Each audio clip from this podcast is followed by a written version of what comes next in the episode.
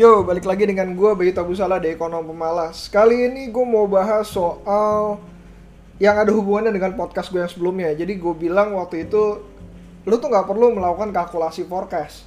Terus, kalau misalkan lu nggak memerlukan kalkulasi forecast, bagaimana cara lu melakukan evaluasi terhadap perusahaan atau bagaimana caranya lu berinvestasi pada perusahaan tersebut? Nah, eh, sebenarnya uh, approach ini berguna kalau misalkan lu punya satu tipe yang sama kayak gua. Tapi kalau misalkan kalian termasuk tipe yang uh, corporate financing atau ya corporate financing ataupun investment financing dan sebagainya, kalian butuh melakukan perhitungan forecast. Dan menurut gua caranya cukup rumit, uh, terlalu banyak makan waktu dan sering kali menurut gua adjustmentnya banyak banget yang merepotkan sehingga uh, investasi yang gue lakukan bener-bener jauh banget dari namanya corporate financing. Gue bilangnya irregular bet atau uneven bet. Nah kalau misalkan bisa dilihat kayak gini sih. Kalau Mohanis Pabrai pernah berkata yang namanya lo berinvestasi di pasar saham atau investment itu sendiri dia bilang katanya adanya ketidaksinkronan antara informasi dengan keadaan pasar yang kedua adalah uh, bahwa informasi itu sendiri banyak yang uh, apa ya?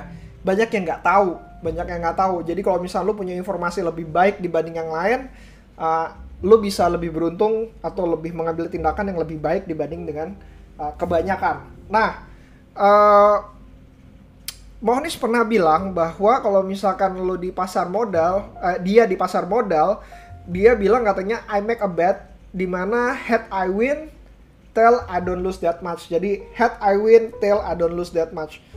Intinya adalah uh, ada namanya gue bahasa Inggrisnya gue lupa, pokoknya uneven bet yang di mana oddsnya bener-bener kayak satu banding tiga, satu banding lima atau mungkin uh, satu banding seratus, mungkin depannya nggak satu bahkan 0,3 gitu misalkan. Jadi kalau kalah lu hilang Eh, tiga puluh persen kalau lu menang lu menang kayak uh, let's say kayak lima kali enam kali tujuh kali gitu.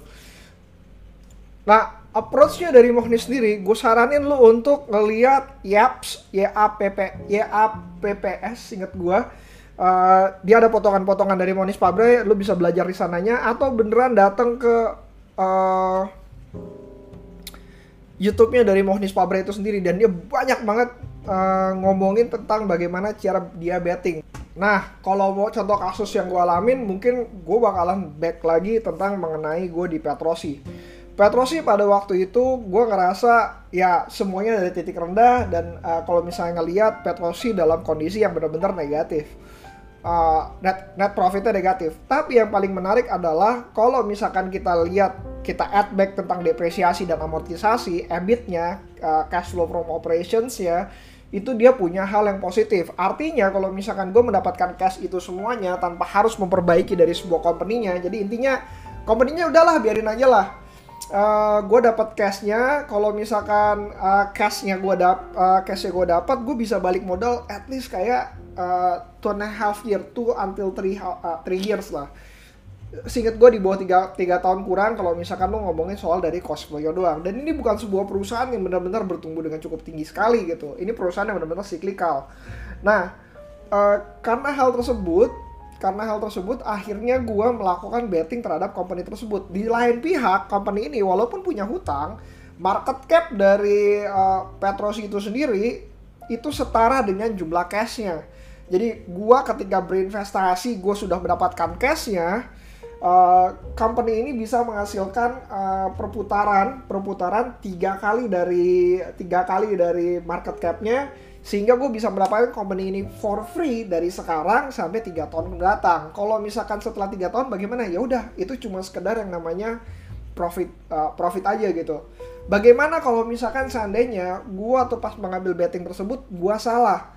Ingat Petrosi punya cash di sana dan gue rasa kalau misalkan dikurangin sama aset-asetnya aset-asetnya dijual untuk menutupi sejumlah utang-utangnya dia, sisa cash yang ada di sana itu bisa uh, gua ambil untuk sebagai dividen. Jadi I don't lose that much. Dan seandainya kalau misalkan dia harus membagikan uh, uang tersebut dalam bentuk dividen, at least gue bisa balik modal, let's say kayak 20 or 30% dari market cap yang ada. Jadi gue bisa menahan penurunan market cap 20 sampai 30%. Uh, gue nggak yakin bisa turun sejauh itu kecuali gue bisa menemukan hal yang lebih baik lagi menurut gue ini adalah safety betting gue yang terjadi pada waktu hal uh, pada waktu tersebut nah uh, berikutnya lagi apa kalau misalkan lo ngelihat di saat ini gue betting terhadap industri uh, coal industries. Portofolio gue isinya coal industries dan ada beberapa yang masuk ke EV. Hal yang sama gue lakukan uh, terhadap coal industries ini juga sama gitu. Bahkan menurut gue jauh lebih menarik karena instead of 3 tahun sekarang 2 tahun. Downsize-nya apa? Downsize-nya adalah harga dari coal industry ini sendiri masih tinggi-tingginya downsize protections gue apaan? Downsize protections gue adalah dari dividennya. Artinya ketika perusahaan melakukan pembayaran terhadap dividen berjalannya mereka, gue punya downsize protection sejumlah dividen tersebut. Kalau misalkan uh, marketnya turun 10% dan dividennya 10%, gue rasa gue aman gitu. Uh, tapi sampai sejauh apa? Nah itu tergantung dari uh, kalian punya uh, appetite terhadap resiko. Tapi menurut gue, call uh, bukan call sih. Perusahaan-perusahaan yang gue ambil kalau misalkan sampai 30% sampai 40% dia drop gue bakalan merasa diri gue masih safe karena dividen yang bisa dihasilkan dalam satu tahun ke depan itu bisa menutupi 40 sampai 30% penurunan pada saat harga sekarang. Nah, itu adalah downside protections gue. Terus uh, upside potentialsnya dari mana? Upside potentialsnya gue merasa betting gue kalau misalkan dalam waktu 2 sampai 3 tahun ya cukuplah untuk mengembalikan modal gue. Beberapa perusahaan ataupun company itu bisa menghasilkan sejumlah uh, bukan maksud gue beberapa company bahkan dihargai dengan sejumlah cashnya. Dan kalau misalkan lo hitung dari sisi aset company-nya itu banyak banget yang bisa membayar hutangnya. Mungkin nggak zero debt free seperti ITMG ataupun uh, yang lainnya gue bahkan lupa kalau misalnya debt free topan apa aja Uh, tapi ITMG salah satunya itu dia debt free. Dan kalau misalkan nggak debt free ya lu tinggal ngeliat aja asetnya bisa ngasih nutupin dari itunya. Dan tentu saja kalau terjadi penjualan aset lu korting harga asetnya. Let's say 80% dari nilai asetnya apakah bisa untuk menutupi jumlah utangnya? Dan kadang-kadang ada banyak company yang berusaha menurut gue di, di industri ini yang bisa menutupi utangnya kalau misalkan uh, sudah di korting hingga 30 sampai 40% dan menurut gue it's safety bet kalau misalnya untuk masuk ke company tersebut apalagi cashnya sejumlah dari market cap dan dia masih bisa menghasilkan keuntungan dengan PE ratio mungkin 2 sampai 3 kali. Menurut gue itu safety bet banget. Kalau seandainya terjadi penurunan downsize dan segala macam, nah gue bisa ngecek lagi cash flow yang dihasilkan apakah bisa untuk membayar dividen gue. Seandainya turun 20 sampai 30%, apakah itu bisa menutupi penurunan tersebut? Gue ngerasa bahwa betting gue punya risk and reward yang bisa dikatakan uh, cukup menarik di mana risknya sendiri gue bisa kehilangan 10 sampai 20% dari uh, apa yang gue investasikan tapi dengan reward yang mungkin 2 sampai 3 kali dari apa yang gue tanamkan sekarang hingga 2 hingga 3 tahun mendatang. That's how I bet. Jadi menurut gue, gue nggak perlu kalkulasi forecast. Yang gue butuh lakukan adalah gue ngecek company-nya apakah punya downside protection terhadap nilai saat ini. Itu yang pertama. Yang kedua, apakah gue yakin bahwa company bisa menghasilkan uh, cash, arus cash yang cukup kuat ketika gue memegang perusahaan tersebut. Dan sampai seberapa lama gue bisa memegang perusahaan tersebut. Itu yang sebenarnya gue cari dan view itu yang gue lakukan sekarang Seandainya dia punya downside protection, sampai sejauh mana gue uh, mau untuk memegang perusahaan ini apakah turun 23 20%, 30% atau mungkin 50%. Kalau seandainya downside risk-nya cukup tinggi, ya gue akan merasa aman untuk uh, masuk ke dalamnya.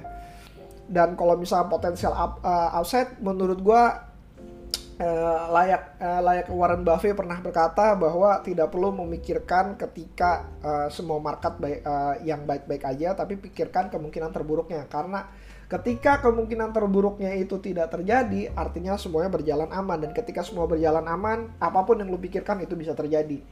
Problemnya adalah ketika market gak aman apakah lu punya downside protections? So that's it. Uh, itu bagaimana cara gue uh, glimpse bagaimana cara gue kalkulated MOS uh, tanpa melakukan uh, forecasting yang benar-benar uh, terlalu menjelimet ataupun rumit. Kalian bisa masukin ini juga sebagai bahan kajian kalian kalau misalkan kalian mau uh, investasi di, pas, di saham. Uh, atau mungkin nggak juga kalian lebih sedang uh, melakukan kalkulasi forecast let me know kita bisa diskusi di Instagram gue di Bayu Tabusala atau misalkan email gue aja di bayutabusala at gmail.com see you again next time bye